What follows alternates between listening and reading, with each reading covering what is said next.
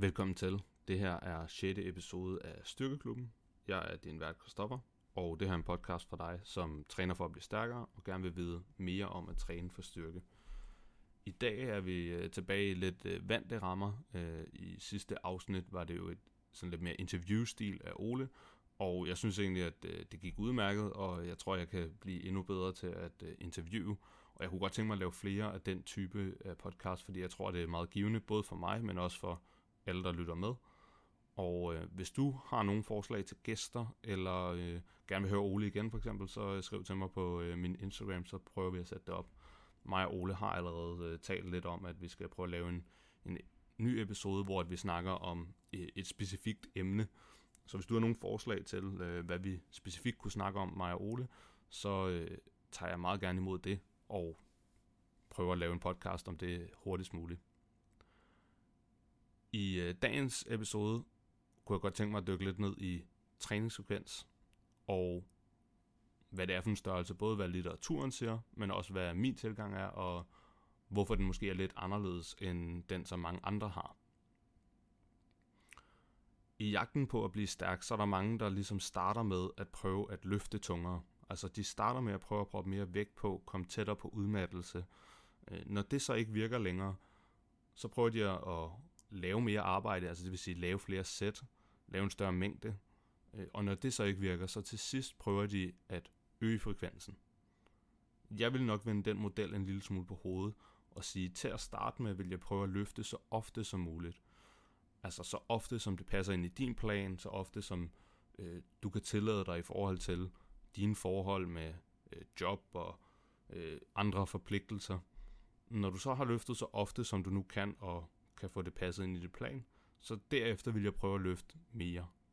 Altså lave en større mængde, prøve at lave lidt flere sæt, øh, og så til sidst, så vil jeg prøve at løfte tungere, tættere på grænsen, prøve at udfordre mig mere på, på, på nogle andre parametre.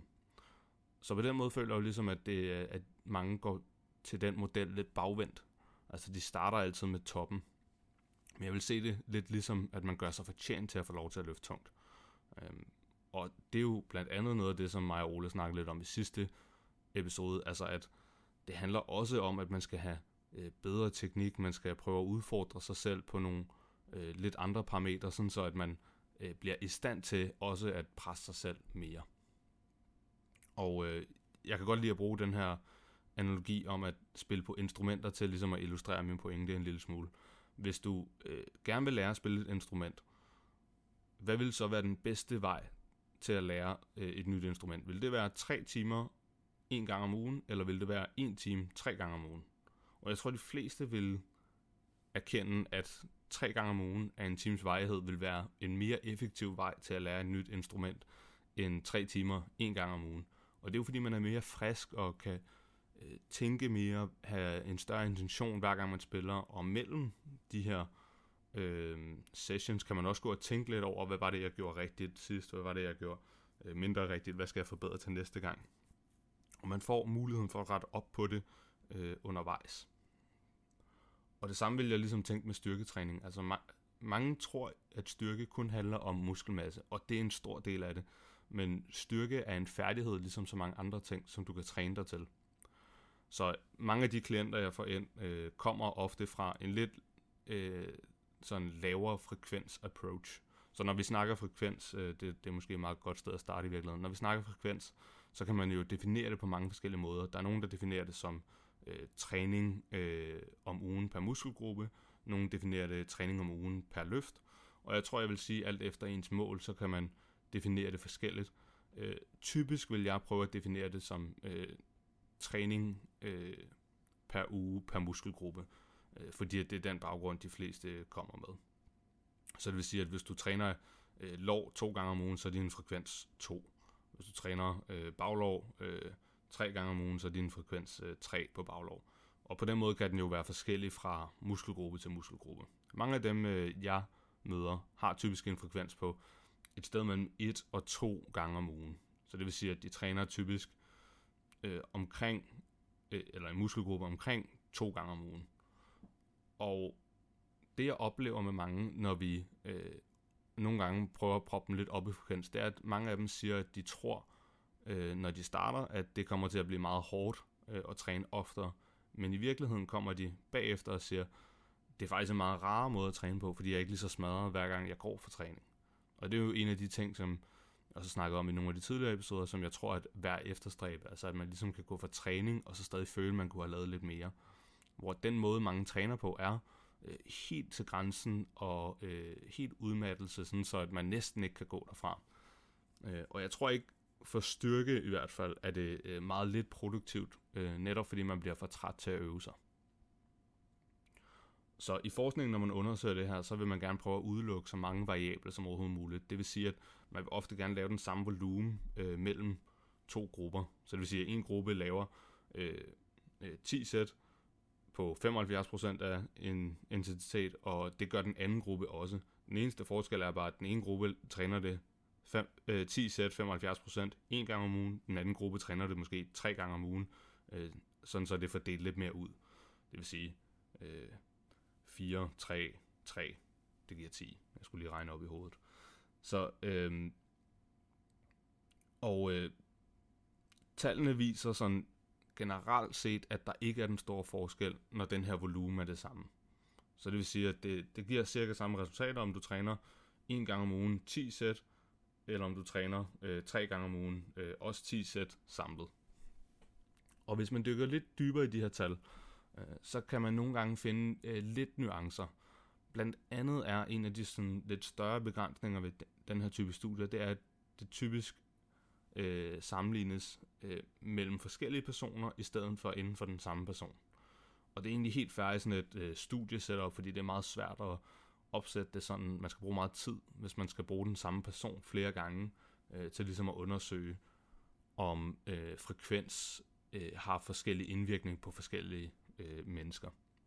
Og det er jo noget af det, som man ser lidt i nogle af de her træningsprotokoller, når man sætter folk på en træningsprotokol, det er, at de responderer enormt forskelligt, alt efter hvilken person det er. Så der er nogle øh, personer i en gruppe, der måske får en statistisk signifikant fremgang, som ikke selv oplever fremgang. Det vil sige, at man kan få en træningsprotokol, hvor at alle andre omkring en oplever, at de får en god fremgang og en god effekt. Men der er en person i, den, i det her forsøg, i den gruppe, som ikke oplever en fremgang. Så det vil sige, at altså, folk responderer jo netop forskelligt. Og derfor vil jeg bruge mange af de her studier mere som sådan en rettesnor, altså en guide til, hvilken vej kan man gå, frem for sådan et endegyldigt svar. Og med hensyn til forskningen på frekvens, øh, så er det faktisk rimelig diffus, når man dykker ned i de her øh, metaanalyser og ned i nogle af de her studier, der ligger under metaanalyserne. Fordi de fleste af studierne vil finde øh, ingen forskel eller meget lille forskel mellem en lavere frekvenstilgang og en højere frekvenstilgang. Samtidig øh, er der nogle enkelte studier, som viser en lille fordel til en højere frekvenstilgang. Og øh, hvis man tager det helt overordnet og, og, og kun kigger på, på de enkelte resultater, så vil man sige, okay, der er nok ikke en stor forskel, øh, og det betyder nok ikke særlig meget, om du laver en lav eller en høj frekvens. Og det tror jeg også, jeg vil sige på et generelt plan, hvis jeg skulle anbefale folk noget, når de startede, så vil jeg sige, det betyder mindre, hvor ofte du træner. Øh, det, skal, det skal nok mere tilpasses til din hverdag frem for at, at vi skal tvinge dig til at træne tre gange om ugen, øh, hvis du kun har to gange om ugen til at kunne træne i. Hvis man så øh, dykker lidt mere ned i det og, og, og prøver at lave forskellige øh, analyser, så kan man så se, en der hedder Greg Knuckles har lavet en, øh, som har en hjemmeside, der hedder øh, Stronger by Science, og en rigtig god podcast, har lavet en, sin egen meta-analyse i 2018, hvor han kiggede på øh, forskellen i frekvens i forhold til styrke, hvor at der generelt så ud til at være en tendens til, 3 til 4 gange om ugen så ud til at være bedre end 1 til 2 gange om ugen for styrke. Også når volumen var det samme. Samme år blev der udgivet en anden metaanalyse, som ikke fandt nogen forskel. Og den eneste forskel på de to øh, metaanalyser var øh, 1 til 2 inkluderede studier. Så det noget af det, som bliver lidt øh, granulært, øh, tror jeg, jeg vil kalde det, i, i de her studier, det er, at i de her metaanalyser, det er, at alt efter hvilke inklusionskriterier du har, så kan du få lidt forskellige resultater.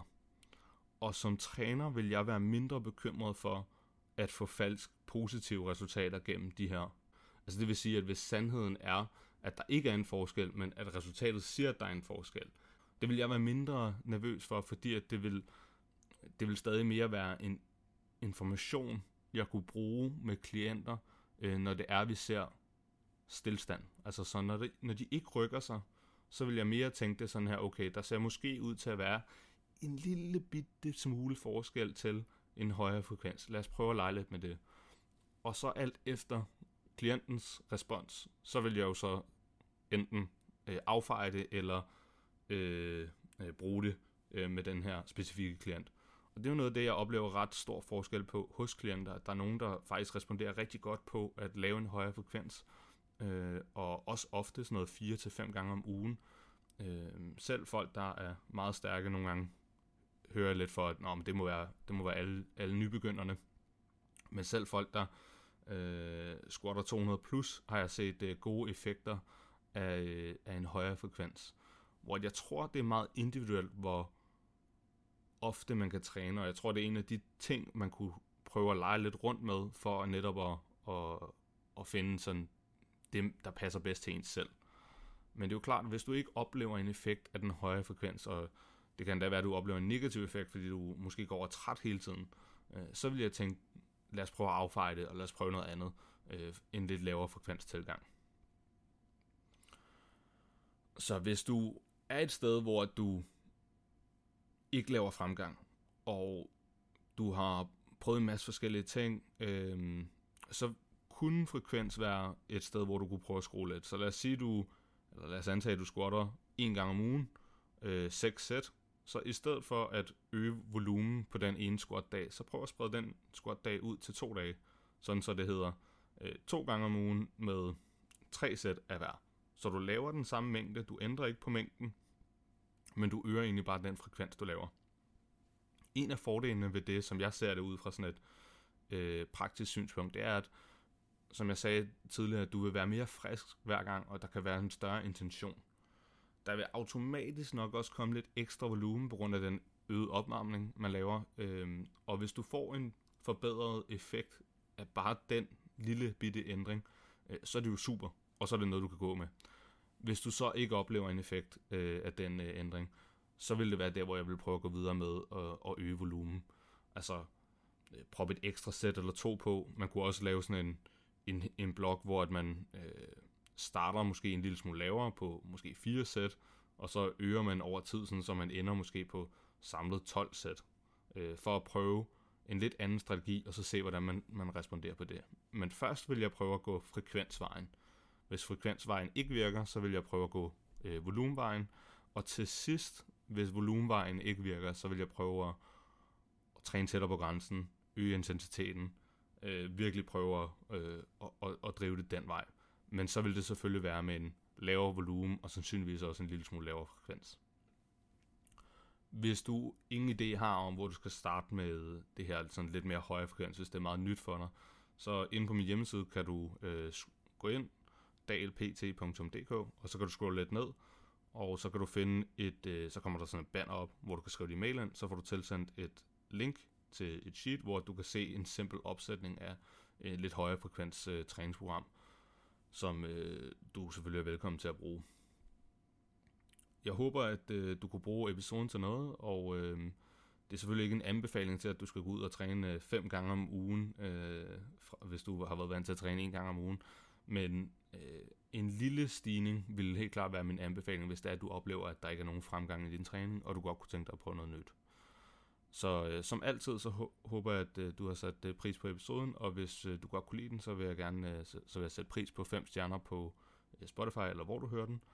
Og øh, ellers så skriv til mig på Instagram, hvis du har nogle spørgsmål, eller gerne vil høre øh, noget i næste episode.